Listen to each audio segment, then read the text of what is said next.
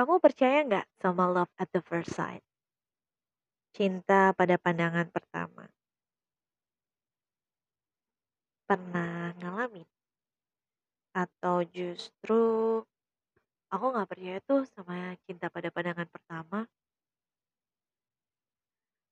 Khalil Gibran pernah bilang, jika dalam detik-detik awal seseorang tidak jatuh cinta, meskipun seribu tahun mereka tidak akan saling jatuh cinta. Aku nggak tahu sih itu benar atau enggak. Cuman kayaknya butuh sepersekian detik deh untuk bisa ngerasain chemistry yang ada di dalam hati. Gak tahu itu cintanya bisa jatuhnya dari mana.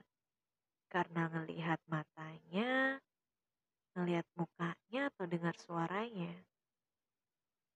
Lupa, tahu-tahu habis ketemu dia, sampai rumah, mukanya dia terus, di telinga suaranya dia terus. Rasanya pengen ketemu lagi, ketemu lagi, ketemu lagi. Itu sebenarnya cinta atau cuma mengagumi aja? Selamat datang di cerita cinta dan cinta bersama saya Dia Dikara. Love at the first sight. Cinta pada pandangan pertama. Baik yang bilang itu cuma alah cinta monyet itu. Itu nggak benar-benar. Mungkin, mungkin. Tapi percaya nggak kalau menurut pandanganku ya, jatuh cinta itu seperti menanam sebuah benih. Dan pandangan pertama itu yang menjadi benihnya. Saat kita ketemu dan kita ambil benih itu, kita taruh di tanah. Kalau kita siram, kalau kita pupuki, kalau kita urusin, itu benihnya bisa menjadi besar dan akhirnya benihnya itu bisa tumbuh menjadi cinta yang kuat, menjadi pohon cinta yang berakar ke mana-mana, yang berbuah ke mana-mana. Tapi benihnya itu juga bisa aja nggak jadi apa-apa kalau kita nggak ngapa-ngapain. Ya udah, ada cinta di situ, ada calon cinta di situ, tapi nggak diapa-apain. Nanti dia bisa berkembang menjadi cuma perasaan sayang terhadap sahabat, sayang terhadap kolega, cuma empati, seneng, simpati, ya gitu-gitu aja. Tapi kadang ada juga benih yang nggak dipupuk yang nggak disiram, yang nggak diurusin, terus benihnya tumbuh gitu. Kelihatannya sih pohonnya kecil tapi akarnya dalam. Menyakitkan ya. Jadi kok bisa ya ada perasaan-perasaan yang tidak kita inginkan tapi dia ikut tumbuh. Ibaratnya diumpamakan sebagai benih yang tadi, ini benih itu memiliki daya juang yang hebat untuk bisa tumbuh. Meskipun kita berupaya untuk nggak nggak menyuburkan si benih ini, tapi benihnya tuh ada, udah dipangkas ada lagi, udah dipangkas ada lagi. Ini nih yang namanya susah move on ya, yang katanya cinta pertama nggak bisa dilupakan. Mungkin si cinta pertama ini benih yang pertama tadi tumbuh ya, yang udah ketutupan dia tumbuh lagi, ketutupan tumbuh lagi. Wow. Aku pernah baca kenapa sih cinta pertama atau pengalaman pertama itu susah dilupain. Ada bagian kecil di dalam otak kita yang paling bertanggung jawab terhadap itu. Dia selalu mengingat peristiwa yang paling berkesan, yang paling emosional. Entah itu paling seneng, atau itu paling sedih, atau itu paling memalukan.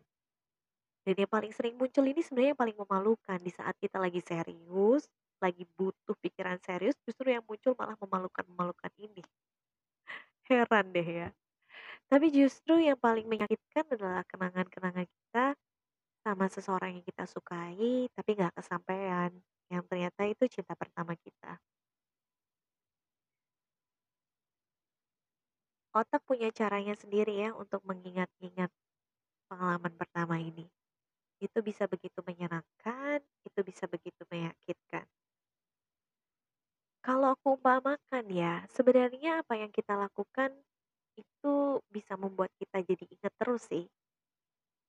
Aku umpamakan misalnya si first love ini sebagai seseorang yang kita masukkan di dalam peti kaca di dalam hati kita dan petinya itu dikunci, kuncinya dibuang Tetapi petinya itu tidak benar-benar tersembunyi karena di dalam kaca yang kadang-kadang kita bisa melongo untuk lihat ke dalamnya.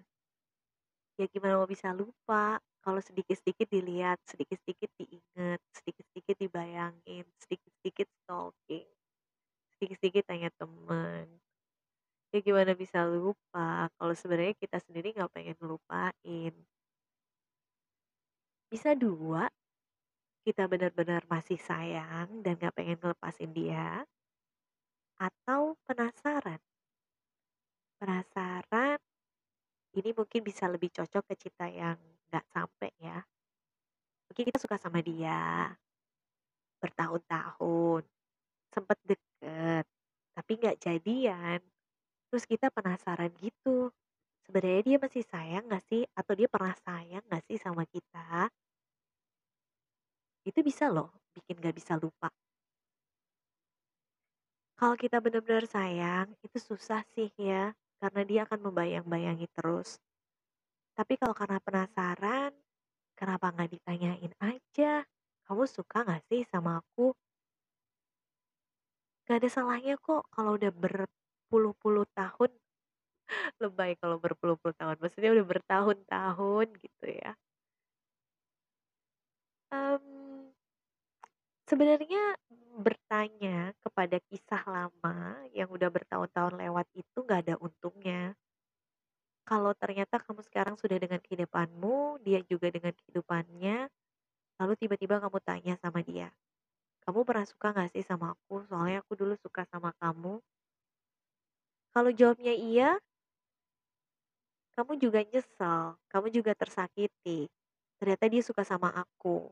Kamu happy, ego kamu ngerasa bahwa aku nggak cinta bertepuk sebelah tangan. Tapi ada perasaan nyesel yang kayak, seandainya aku bisa ngomong ini lebih cepat, mungkin ceritanya akan beda. Tetapi kalau misalnya ternyata dia jawab, "Enggak, aku nggak suka sama kamu, aku cuma nganggap kamu sebagai teman." Ya walaupun dia nggak ngomongnya langsung, "Aku nggak suka," tapi dari dari istilahnya lah, eee, intinya kamu tahu kalau dia nggak suka sama kamu setengah hati kamu akan ngerasa lega, tapi sebagian diri kamu, ego kamu ngerasa kayak nggak terima, kayak "Kok kamu nggak suka aku sih? Aku kurang apa?" Ya dua-duanya sama-sama nggak enak.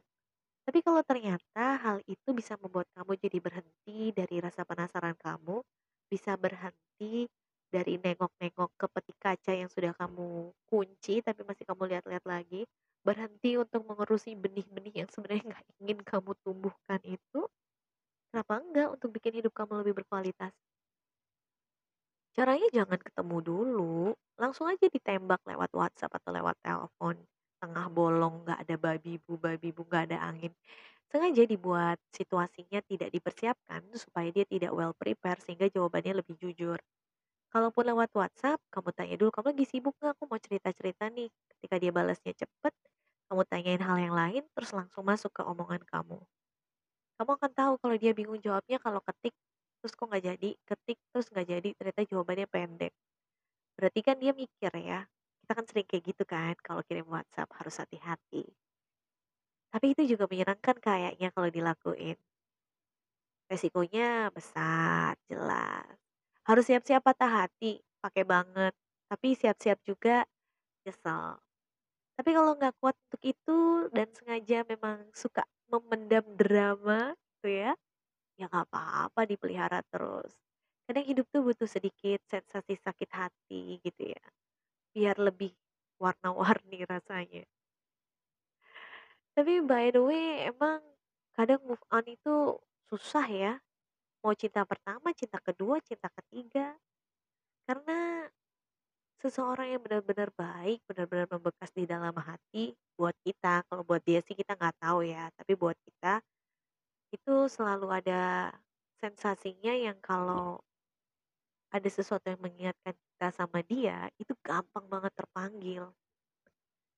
Sayangnya sih nggak ada alat atau atau aku belum tahu ya, sebuah sistem atau cara yang bisa mematikan beberapa memori tertentu.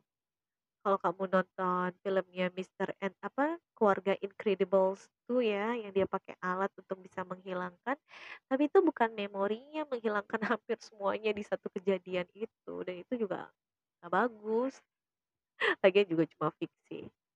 Tapi boleh juga sih berandai-andai kalau seandainya ada momen hidup kita yang ingin kita hapus, benar-benar pengen kita hapus, kita mau nggak ya secara sadar menyerahkan memori itu? Kadang bisa jadi memori yang tampak menyakitkan, bisa begitu indah di satu sisi, ya nggak sih? Memori yang ketika kamu nggak bisa dapetin dia, tapi pas kamu ingat momen-momen dia kasih senyum ke kamu aja yang bikin kamu happy, itu juga indah buat diingat-ingat. Well, kalau ngomongin cinta, sedih sama seneng tuh kayaknya tipis. Sesuatu yang kita bayangkan sedih ternyata menyenangkan, sesuatu yang kita bayangkan menyedihkan ternyata menyenangkan, menyenangkan ternyata menyedihkan. Whatever lah itu.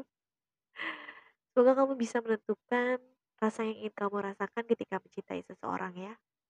Jangan sampai deh ngorbanin diri sendiri. Lebih banyak sakitnya daripada happy-nya. Sampai ketemu di cerita cinta-cinta bersama dia di Kara. See you then. Bye.